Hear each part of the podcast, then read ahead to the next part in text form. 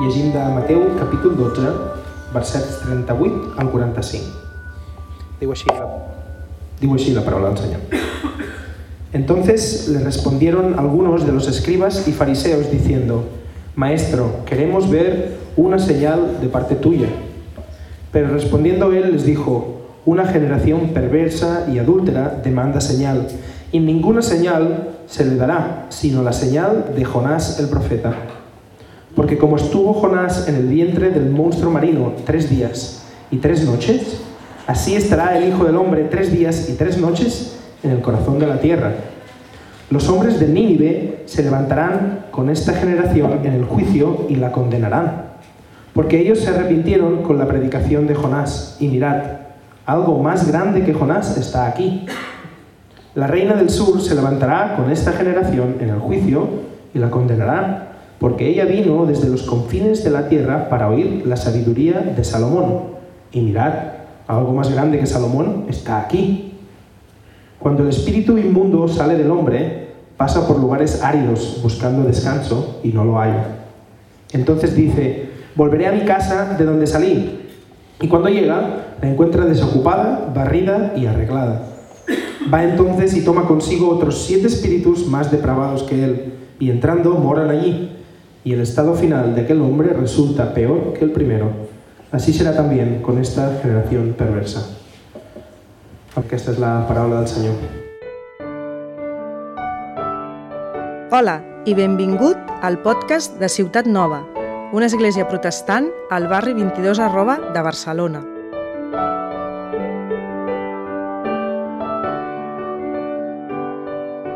Bueno, hemos leído, Maestro, queremos ver una señal de parte tuya. Y bueno, yo no sé si esto lo habréis escuchado de alguien, ¿no? Cuando, cuando habláis de Dios, eh, con alguna persona que no cree, eh, no, si, si Dios me diera una señal, si viniera aquí, se presentara y me hablara, entonces creería en Él. Y, y esto quizá nos lanza la pregunta, ¿qué hace falta para creer? ¿Qué señal debería haber para que el mundo entero creyera en Dios? No sé si, os lo habéis preguntado, si quizá le habréis preguntado a alguien. Así que yo lo que he hecho es preguntar a Google, he ido a Internet. En Internet encontramos todo tipo de opiniones. Así que si queremos ver qué piensa la gente de algo, pues es el sitio que más nos va a dar una idea acerca de lo que la gente piensa. Así que yo he estado buscando ¿no? Eh, bueno, razones para que la gente tiene para no creer en Dios. Hay un montón de razones. He cogido unas cuantas de las, de las que quizás he visto que, que hay más gente que piensa. ¿no? Dios no existe porque no lo entiendo. Dios no existe porque le pido cosas que son buenas para mí y no me las da no tengo respuesta. Dios no existe porque nadie lo ha visto. Dios no existe porque no creo en los milagros de la Biblia. La Biblia habla de un montón de cosas que no, no son creíbles. Dios no existe porque no se puede demostrar. Yo pienso de forma científica, Dios no se puede demostrar, Dios no existe. Y el que más veces he visto repetido, Dios no existe porque existe la maldad y el sufrimiento. Bueno, son una serie de, razones que podemos encontrar a nuestro alrededor. Y no voy a, a simplificar las cosas. Eh, todas estas razones pueden tener detrás cierto razonamiento, ciertos eh, problemas que puede tener la gente. Eh, bueno, pueden tener sentido. Y, y lo que quiero empezar es diciendo, creer en Dios no es un suicidio intelectual. Esto es, importante. Dios no espera que creamos en algo totalmente irracional. Así que podríamos poner ejemplos de bueno, razonamientos contrarios acerca de estas razones. No creo en los milagros. Bueno, vamos a empezar partiendo de la base de que Dios es el que ha creado todo. Si podemos creer que Dios ha creado el universo, quizás no es tan difícil creer que Dios puede abrir el mar por la mitad. Al final, un milagro es algo que, que no entendemos.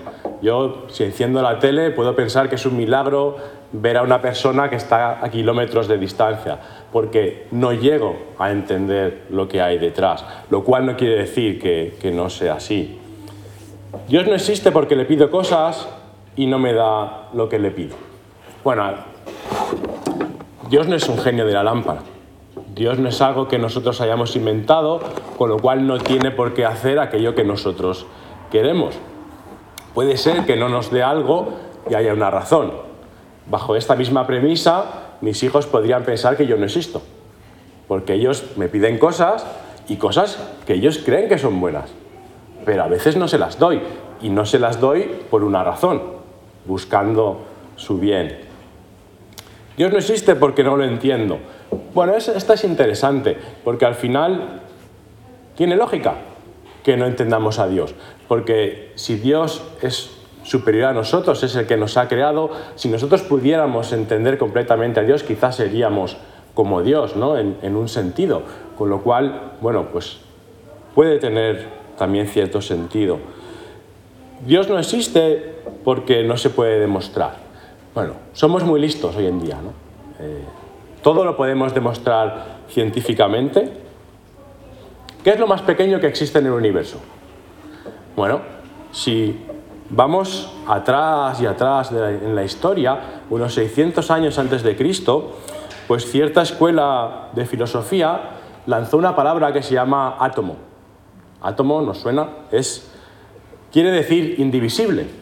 Así que átomo no se puede dividir, es lo más pequeño que hay, porque no se puede dividir en cosas más pequeñas. A lo largo de la historia, pues esto tuvo bastante sentido.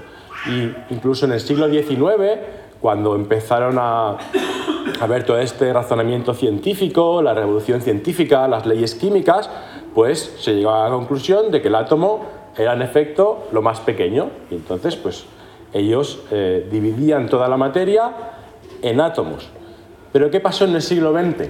Llegó la física nuclear.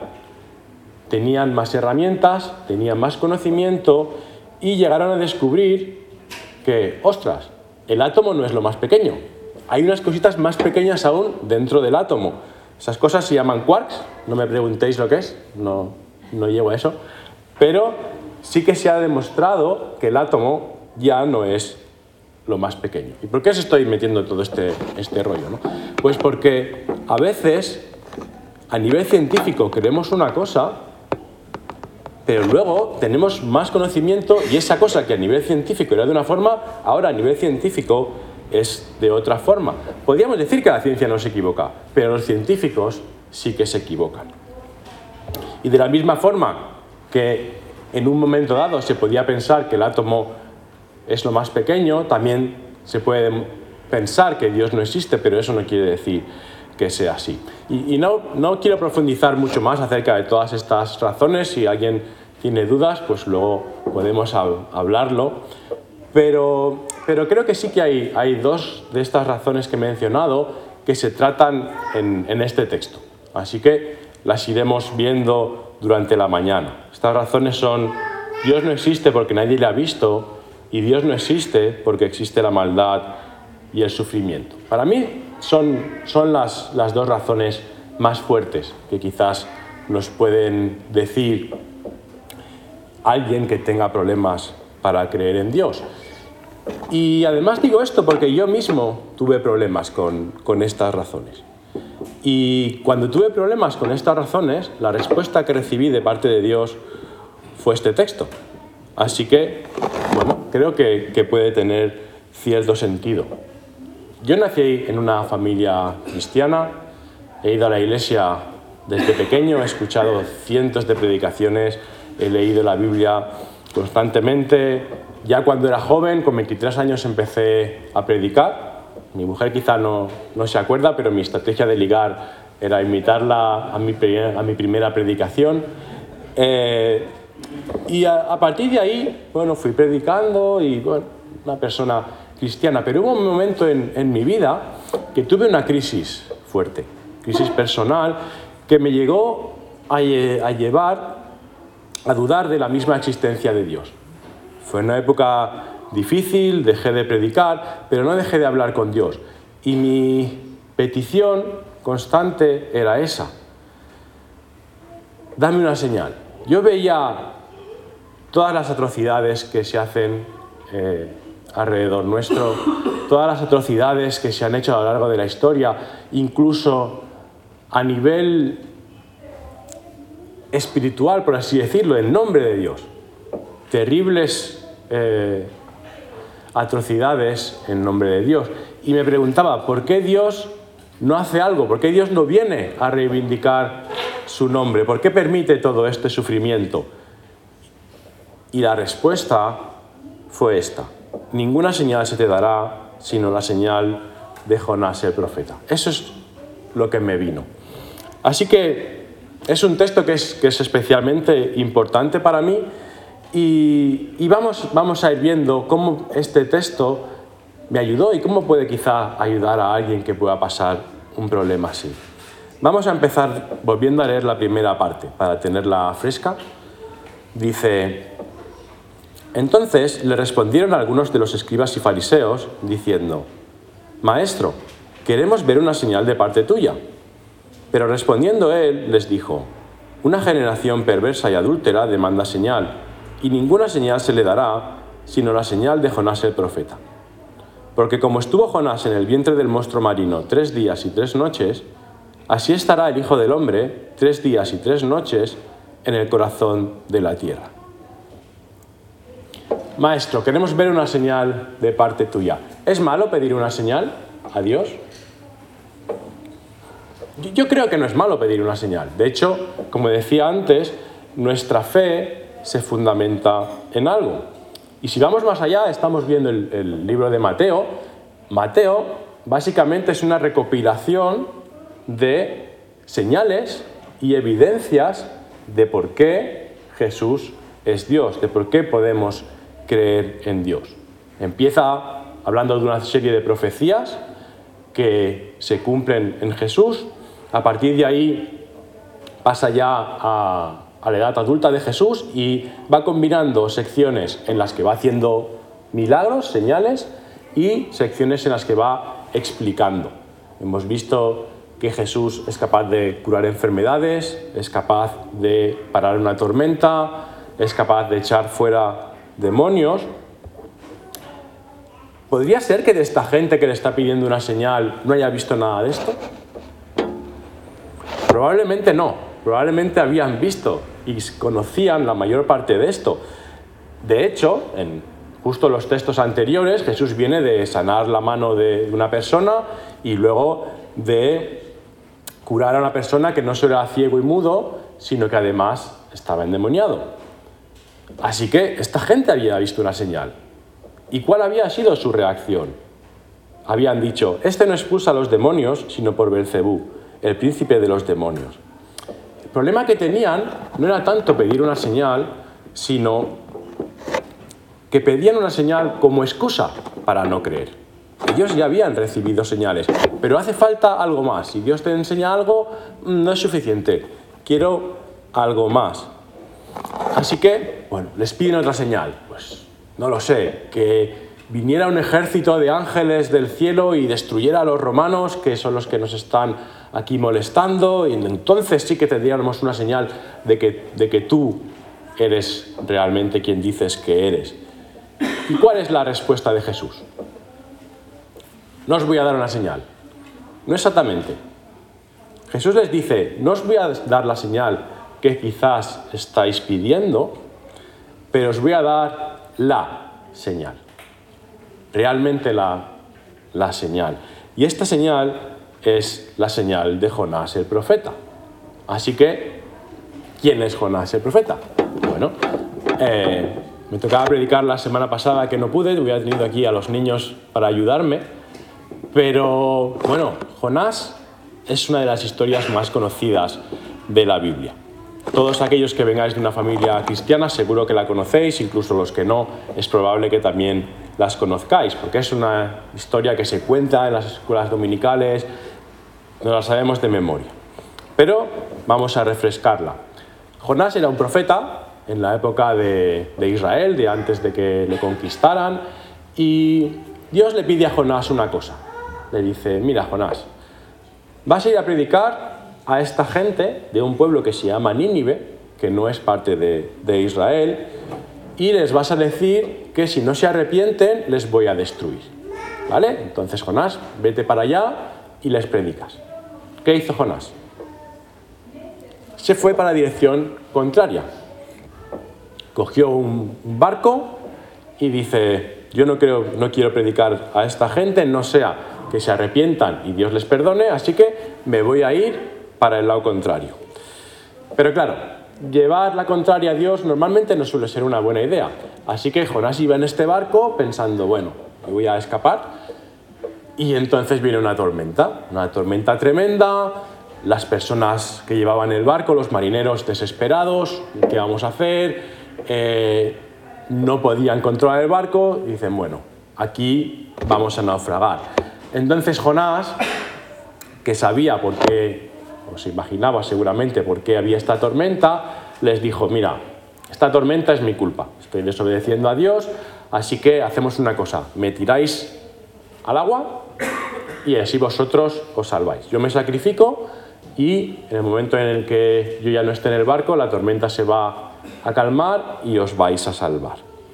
Y dicho y hecho, los, los marineros finalmente lanzan a Jonás al mar, la tormenta se calma y ellos siguen. Pero ¿qué pasa con Jonás? Medio del mar, nadando no, no llegaría a la orilla. Pero Dios no había terminado con Jonás, así que Dios envía a un pez, o aquí dice un monstruo marino, no sabemos exactamente, pero la cuestión es que se lo mete en la boca y lo tiene ahí durante tres días y tres noches hasta que finalmente lo lleva a la orilla y lo expulsa ahí. Después de eso, Jonás, un poco escarmentado, va a predicar a esta gente, esta gente se arrepiente y como él se temía, Dios los acaba perdonando. ¿Y qué tiene que ver toda esta historia de Jonás con Jesús? Bueno, él mismo lo, lo está diciendo. De la misma forma en la que Jonás tuvo que sacrificarse y pedir que lo lanzaran al mar para salvar a esta gente, Jesús se iba a sacrificar, de la misma forma en la que Jonás iba a estar en la profundidad del mar, en ese pez, durante tres días, Jesús iba a estar muerto en el corazón de la tierra, dice aquí, durante tres días. Así que básicamente Jesús está diciendo, yo me voy a sacrificar. Esta va a ser la señal. Y esta es la señal en la que se basa todo el cristianismo. Puede haber un montón de razonamientos que podamos dar, podemos debatir, lo que sea, pero al final esta es la señal. Sin la resurrección de Jesús no tenemos nada. Lo dijo Pablo más adelante, sin la resurrección de Jesús nuestra predicación no sirve para nada, nuestra fe no sirve para nada. Pero ¿qué pasa si es verdad? ¿Qué pasa si realmente Jesús murió y resucitó? Esta es una señal irrefutable de que Dios existe. Pero ¿qué tiene que ver esto con el sufrimiento? Porque cuando yo estaba clamando a Dios por una señal, Él me dio la señal de Jonás. Bueno, la cuestión del sufrimiento no es una cuestión sencilla. La gente sufre, la gente lo pasa mal y, y no podemos banalizar con esto. Pero aunque haya muchas explicaciones y, y, podemos hablar muy largo acerca de por qué Dios permite el sufrimiento y lo podemos hablar a nivel de razonamientos, probablemente eso no le sirva a alguien que está sufriendo. Pero lo que sí que podemos decirle es que Dios permite sufrimiento por una razón, porque Él mismo se hizo parte de ese sufrimiento. Dios no está mirando el sufrimiento de la gente como si lo viera desde una televisión, como si estuviera fuera. Si Dios mismo estuvo dispuesto a sacrificar a su Hijo, es que hay una razón para este sufrimiento. Se nos puede escapar, pero realmente hay una razón para este sufrimiento, porque pocas cosas se nos pueden ocurrir peores que ver morir a un hijo. Y la cuestión es si creemos en esta señal. Muchas veces nos gustaría tener un, DeLorean, este coche de regreso al futuro, para irnos a, la época de Jesús, ¿no? yo me imaginaba, cuando ves la película, ¿a, dónde, ¿a qué época querrías retroceder? Bueno, yo lo tengo muy claro, ¿no? Pues a la época de Jesús. Es, qué fácil es creer si estás en la época de Jesús. Pero hubo mucha gente de la época de Jesús que no creyó, ¿no? Vemos toda, toda esta gente, todos estos fariseos. ¿Por, ¿Por qué? Porque creer en Jesús no es algo tanto racional, sino es reconocer que nos cambia la vida. Hay infinitos más textos que hablan acerca de, la existencia de Jesús y, y de todo lo que nos cuentan de él que de cualquier otra persona de la antigüedad. Pero nos es mucho más sencillo creer en cualquier otra persona de la antigüedad que en Jesús, porque no nos implica nada. ¿Existió Napoleón? Seguro, ¿no? ¿Qué más me da? No. Pero si existió Jesús, si Jesús fue quien dijo que era, eso me cambia la vida, con lo cual es más complicado, es más complicado de creer. Pero ¿qué hay en juego aquí? ¿Qué pasa si no creemos? Bueno, Jesús sigue explicándolo. Y para hacer esto, sigue utilizando esta historia de Jonás. Dice, los hombres de Nínive se levantarán con esta generación en el juicio y la condenarán, porque ellos se arrepintieron con la predicación de Jonás. ¿Por qué cuando Dios le pidió a Jonás que fuera a predicar a Nínive, él se fue en dirección contraria? Bueno, hemos, he dicho antes, porque tenía miedo de que, de que se convirtieran, de que se arrepintieran y Dios les perdonara. Esto lo vemos en el mismo libro de Jonás más adelante. Es la razón que le da Jonás a Dios para explicar por qué se iba para el otro lado. ¿Por qué? ¿Tan malo era Jonás? Yo no quiero que estos se salven, no pienso predicarles. Es lo contrario de nosotros, ¿no? Que podemos tener miedo de predicar porque la gente nos rechace. No, no. Jonás tenía miedo de predicar por si la gente se arrepentía. ¿Tan malo era? Bueno, teniendo en cuenta que, que, lo tenemos en la Biblia, teniendo en cuenta que Jesús habla de él como un gran profeta, quizás no era eso. Quizás lo que se temiera Jonás es un poco lo que está advirtiendo Jesús aquí a los, a los fariseos, que el arrepentimiento de la gente de Nínive llevará como más condenación a Israel de su época por no arrepentirse. Y os voy a poner un ejemplo de cuando yo era pequeño. Yo cuando, cuando estaba en EGB, eh, había una niña de mi clase que era mi, era mi desgracia. Yo, bueno, Dios me ha bendecido con facilidad para los estudios, vamos a, decir así. Yo no daba ni golpe, yo, como decía un humorista, trabajaba menos que el sastre de Tarzán. No, no estudiaba, no estudiaba nada y aún así sacaba notables, notables y tres o cuatro excelentes. Bueno, para mí era sencillo. Pero ¿qué pasa? Había esta niña que pues, estaba ahí, que sacaba todo excelentes. Y ella tenía menos capacidad que yo, pero hacía trampas porque ella estudiaba. Entonces, la respuesta está en el libro, es más fácil. ¿Y qué pasaba? Que mis padres me venían a mí y me ponían como ejemplo a esta, a esta niña, ¿no? ¿Ves? Tú podías sacar todo excelentes, porque ella saca todo excelentes y no tiene la misma capacidad que tú. Claro, me dejaba sin excusa. Si no hubiera nadie que sacara todo excelentes, yo podía decir, mira, papá, es que no se puede. Yo hago lo que puedo, ¿no? Y no se puede. Pero ella me traía juicio. Me traía juicio porque me dejaba sin ninguna excusa. Y esto mismo es lo que le pasaba a Israel en los tiempos de Jonás.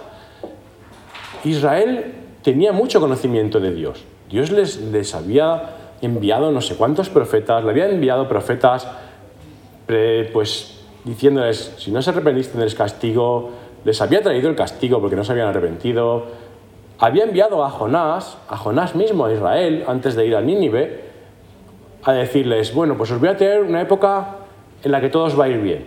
Les había, pues ni con castigo, ni con yéndoles bien, no se habían arrepentido. Y ahora Dios enviaba a Jonás a esta Nínive, que no tenía ningún conocimiento de Dios. Y va Jonás, una predicación, todos se arrepienten. Del más pequeño al más grande, el rey todos, todos ahí vestidos de luto y, sin comer y, y se arrepienten. ¿En qué lugar dejaba esto Israel? Bueno, al cabo de poco Israel fue conquistado y destruido. Esto es, es, lo que se temía Jonás cuando fue a predicar a Nínive. Y esto mismo es lo que Jesús le está diciendo a los fariseos. Jesús amaba a los fariseos. Vemos a los fariseos siempre como los enemigos de Jesús, pero él, él quería su salvación. Él no les mostraba indiferencia, precisamente les estaba intentando explicar las, las cosas a ver si ellos también se arrepentían. Y lo mismo nos está diciendo a nosotros. ¿Cómo vamos a reaccionar ante esta señal? Tenemos todo el conocimiento. ¿Cómo vamos a reaccionar ante esta señal? Y Jesús sigue, sigue argumentando, argumentando y va dando un argumento sobre otro. Y, y dice, mira, el hecho de no creer tiene un agravante que es que hay algo más grande aquí. Y se posiciona a sí mismo como más grande que tres cosas. Dos que hemos visto en este texto y una que vimos un poquito más atrás. Vamos a recordarlas. Dice, mirad, algo más grande que Jonás está aquí. Dice, la reina del sur se levantará con esta generación en el juicio y la condenará, porque ella vino desde los confines de la tierra para oír la sabiduría de Salomón, y mirad, algo más grande que Salomón está aquí. Y si vamos un poquito más atrás, en el versículo 6 de este mismo capítulo, también había dicho, pues os digo que algo mayor que el templo está aquí. Así que él usa esta expresión tres veces, algo mayor que está aquí. En la primera parte de la discusión, cuando veíamos que, que, Jesús les está diciendo que se les dará la señal de Jonás, Jesús está hablando acerca de su misericordia, de cómo Él iba a ponerse en la posición más baja, iba a dejar que lo mataran, iba a dejar que lo torturaran en aquella cruz. Pero esa no es la imagen completa de Jesús y eso no nos tiene que llevar a engaño, porque quizás podemos tener esta imagen, ¿no? Este Jesús derrotado en la cruz. Pero mediante estas comparaciones que está haciendo aquí Jesús, nos muestra otro aspecto de sí mismo que es igual de verdad.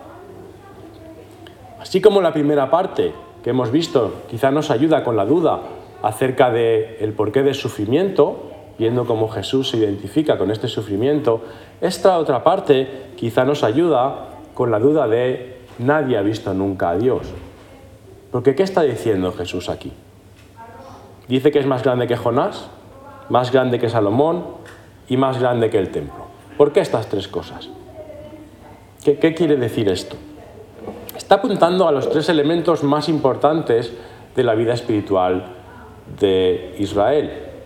Habla de los profetas, Jonás, ejemplo de los profetas, que son los encargados de transmitir el mensaje de Dios al pueblo, habla de los sacerdotes, cuando habla del templo, que son los encargados de poner al pueblo en contacto con Dios, quizá la otra dirección, y habla de los reyes, cuando menciona a Salomón como el símbolo de la autoridad de Dios. ¿Y qué, es, qué está diciendo Jesús aquí? Se, se atreve a decir que es más grande ya no que un sacerdote, sino que el templo el templo era lo más grande para los fariseos, era lo más grande para los religiosos de aquella época. Y, más grande que Salomón, no cualquier rey de los 200.000 reyes chungos que tuvo Israel, sino Salomón, el rey más grande de los, de los que hubo. Y, más grande que Jonás, bueno, Jonás era un profetilla, pero quizás aquí Dios, Jesús está tirando de esta ironía de, de cómo Jonás quizás era más de lo que aparentaba ser. Y no sé si estamos viendo lo que está diciendo Jesús entre líneas.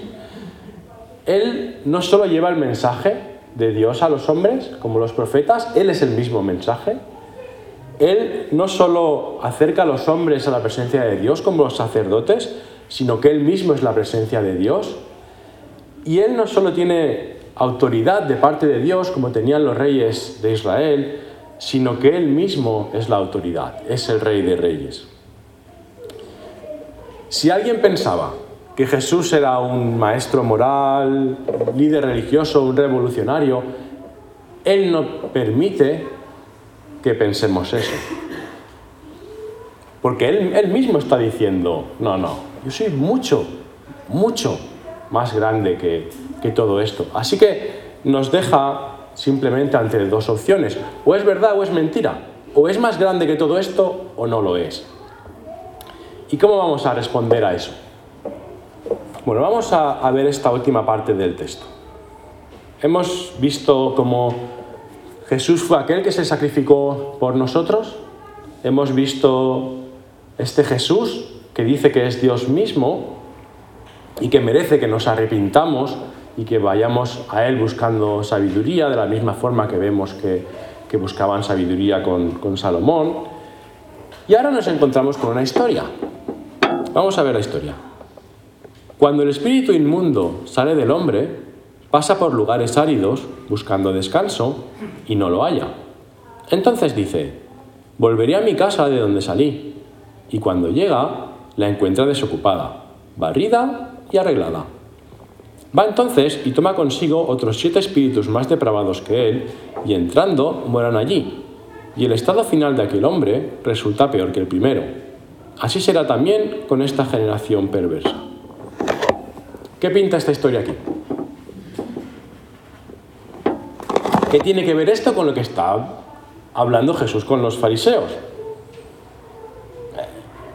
Tiene cierta controversia, no es una, no es una respuesta sencilla. Si leemos diferentes comentarios, hay todo tipo de, explicaciones. Así que yo no voy a, a decir que yo tengo aquí la verdad absoluta, pero os voy a proponer una posible interpretación que cuadra con el contexto y que cuadra con el sentido global de la Biblia. Así que si luego os gusta otra, podéis buscar otra, pero esta al menos tiene cierta base. Y voy a proponer que el endemoniado representa a los fariseos, a los religiosos con los que está discutiendo Jesús. Y que la casa esta representa la vida de estas personas. Ellos son las personas más justas de aquella época. Son el referente de, los israelitas. Parece que han desterrado a todos sus demonios. Los han enviado fuera al desierto. Tienen su casa barrida, arreglada. No como cuando viene la suegra que lo pones todo debajo de la alfombra. No, no. La casa bien barrida y arreglada. No se ensucian acercándose a leprosos ni juntándose con la escoria de la sociedad como, como está haciendo Jesús y tienen perfectamente ordenadas todas las reglas. Las reglas del Antiguo Testamento, un montón nuevas que se han inventado por si acaso, todas y, por, y con orden, ¿eh? de cuál es la más importante hasta la última. Así que tienen la casa perfecta. Pero ¿qué pasa? Está desocupada. Dios no está en esa casa. Así que, ¿en qué desemboca todo, toda esta limpieza, todo este orden? Bueno, hipocresía, orgullo, falta de compasión, desprecio por los que ellos creen que no llegan al listón, falta de amor por los demás, manipulación, amargura. He dicho siete como los siete espíritus que habla aquí, pero al final el número siete es, un simbolismo en, la Biblia acerca de algo completo. ¿no? Eh, el estado final de esta gente es peor que el estado primero. Es incluso peor que estos pecadores con los que ellos están echando en cara que Jesús se junta. Porque todas estas reglas, toda esta rectitud moral sin Dios desemboca en todas estas cosas. Y creo que Jesús está lanzando esta, esta historia para reforzar lo que ha venido diciendo antes Por un lado, que solo hay un camino a la salvación, que es creer en esta señal de Jonás, que es en este sacrificio que él hizo. Y que nosotros no nos podemos salvar por nosotros mismos. Nuestra única esperanza es el sacrificio de Jesús. Y esto lo podemos aplicar en dos esferas. Lo podemos aplicar como sociedad y lo podemos aplicar a nivel individual. Si miramos los seres humanos a lo largo de la historia, siempre hemos buscado soluciones. Hemos intentado buscar esta sociedad perfecta.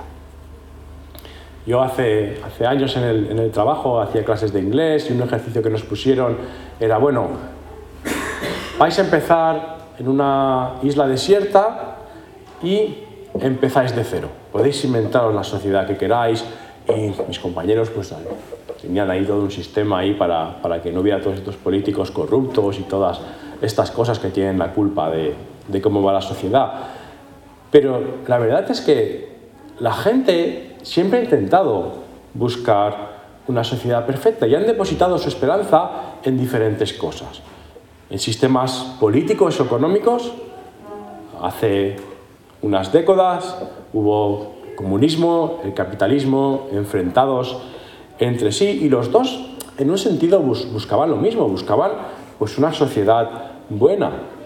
El comunismo buscaba una sociedad feliz en la que todo el mundo tenía lo mismo, se acaba la pobreza porque todos compartimos las cosas, nada es, es de nadie, pero al final desemboca en, en, pobreza, porque si nada es de nadie, si todo da igual, ¿qué hace la gente?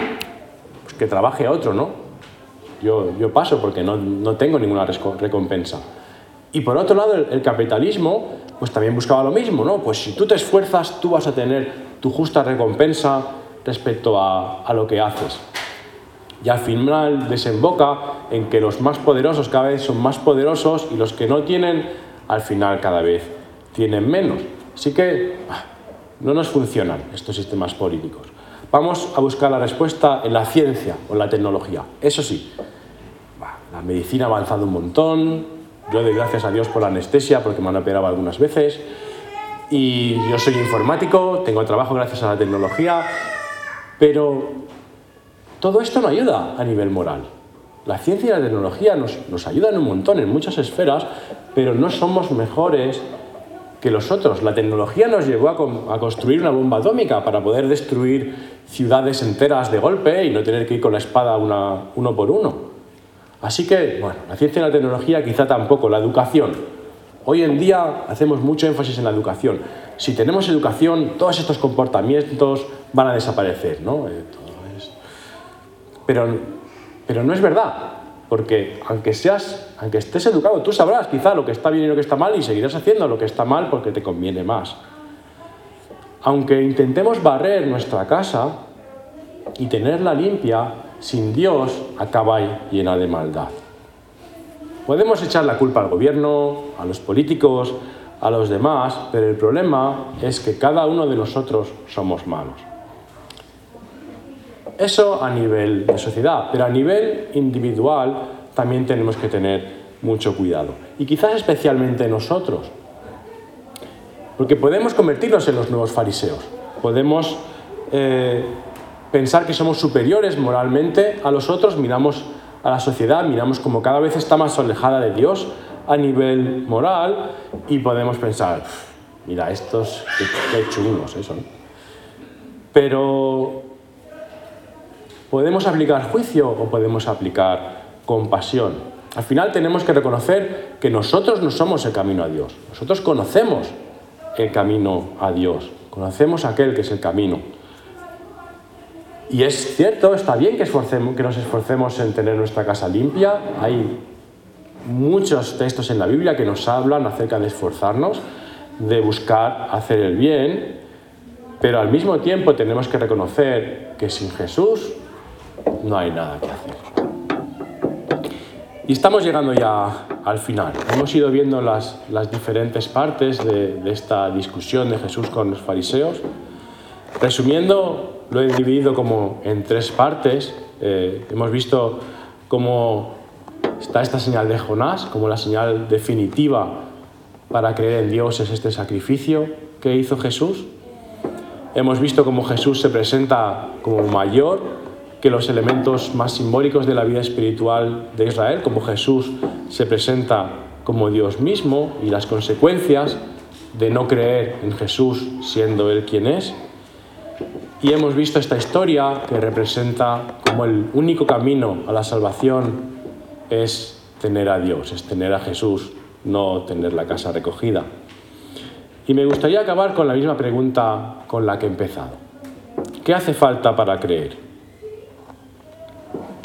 De la misma forma que Jesús les da explicaciones a la gente que le pregunta acerca de cosas, yo he intentado dar explicaciones a, ciertas dudas que puede tener la gente. Pero al final, para creer en Jesús no hace falta entenderlo todo. Hace falta conocerlo. Y a partir de ahí, ver si se puede confiar en él. Yo no entiendo cómo funciona un avión. No soy ingeniero aeronáutico, no tengo ni idea. Pero conozco que los aviones vuelan. Y para mí es suficiente. Es suficiente para poner mi vida en eso, porque yo me subo a un avión y confío en que ese avión no se va, no se va a caer. Con Jesús quizá pasa un poco lo mismo. Quizás no hace falta entender absolutamente todo lo que hace, pero hace falta conocerlo y ver si realmente podemos confiar en él.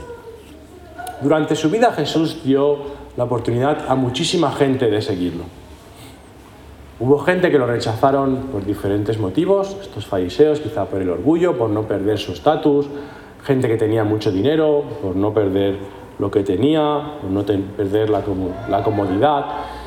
Pero al final los motivos se reducen en uno, que encontramos en, en Juan 3, 19 y 20. Dice, y este es el juicio, que la luz vino al mundo, y los hombres amaron más las tinieblas que la luz, pues sus acciones eran malas. Porque todo el que hace lo malo odia la luz y no viene a la luz para que sus acciones no sean expuestas. Hubo mucha gente que rechazó a Jesús, pero hubo unos pocos que lo siguieron. Y aquellos que le siguieron, estos discípulos, llegaron a ver con sus propios ojos la señal de Jonás. Llegaron a ver la muerte de Jesús, llegaron a ver la resurrección de Jesús y esto acabó en que la mayoría de ellos acabaron sacrificando sus propias vidas para que este testimonio nos llegue a nosotros. Y mi deseo en esta mañana es este, que no seamos como aquellos que, que le rechazaron, ya sea porque queramos vivir como el resto de, la gente que no tiene a Dios, ya sea porque vivamos orgullosos de nuestra superioridad moral, sino que seamos como aquellos que siguieron a Jesús, reconociendo nuestra propia incapacidad, nuestra propia miseria y yendo a aquel que nos puede salvar. Que tomemos nuestra cruz cada día como Él nos pide y que mostremos a este mundo este amor de Jesús, que a pesar de, todas las dudas, que a pesar de todo el sufrimiento, Él estuvo dispuesto a entregarse por nosotros. Y quizás así lleguemos a ser como este Jonás, quizás lleguemos a esta gente de Nínive que al ver la señal de Jonás, en vez de rechazarla, tuvieron fe i s'arrepentiren. Gràcies per escoltar aquesta predicació Si tens preguntes respecte al seu contingut o vols tenir una conversa sobre l'Evangeli, no dubtis en contactar-nos. Escriu-nos o visita'ns a www.cn22.org.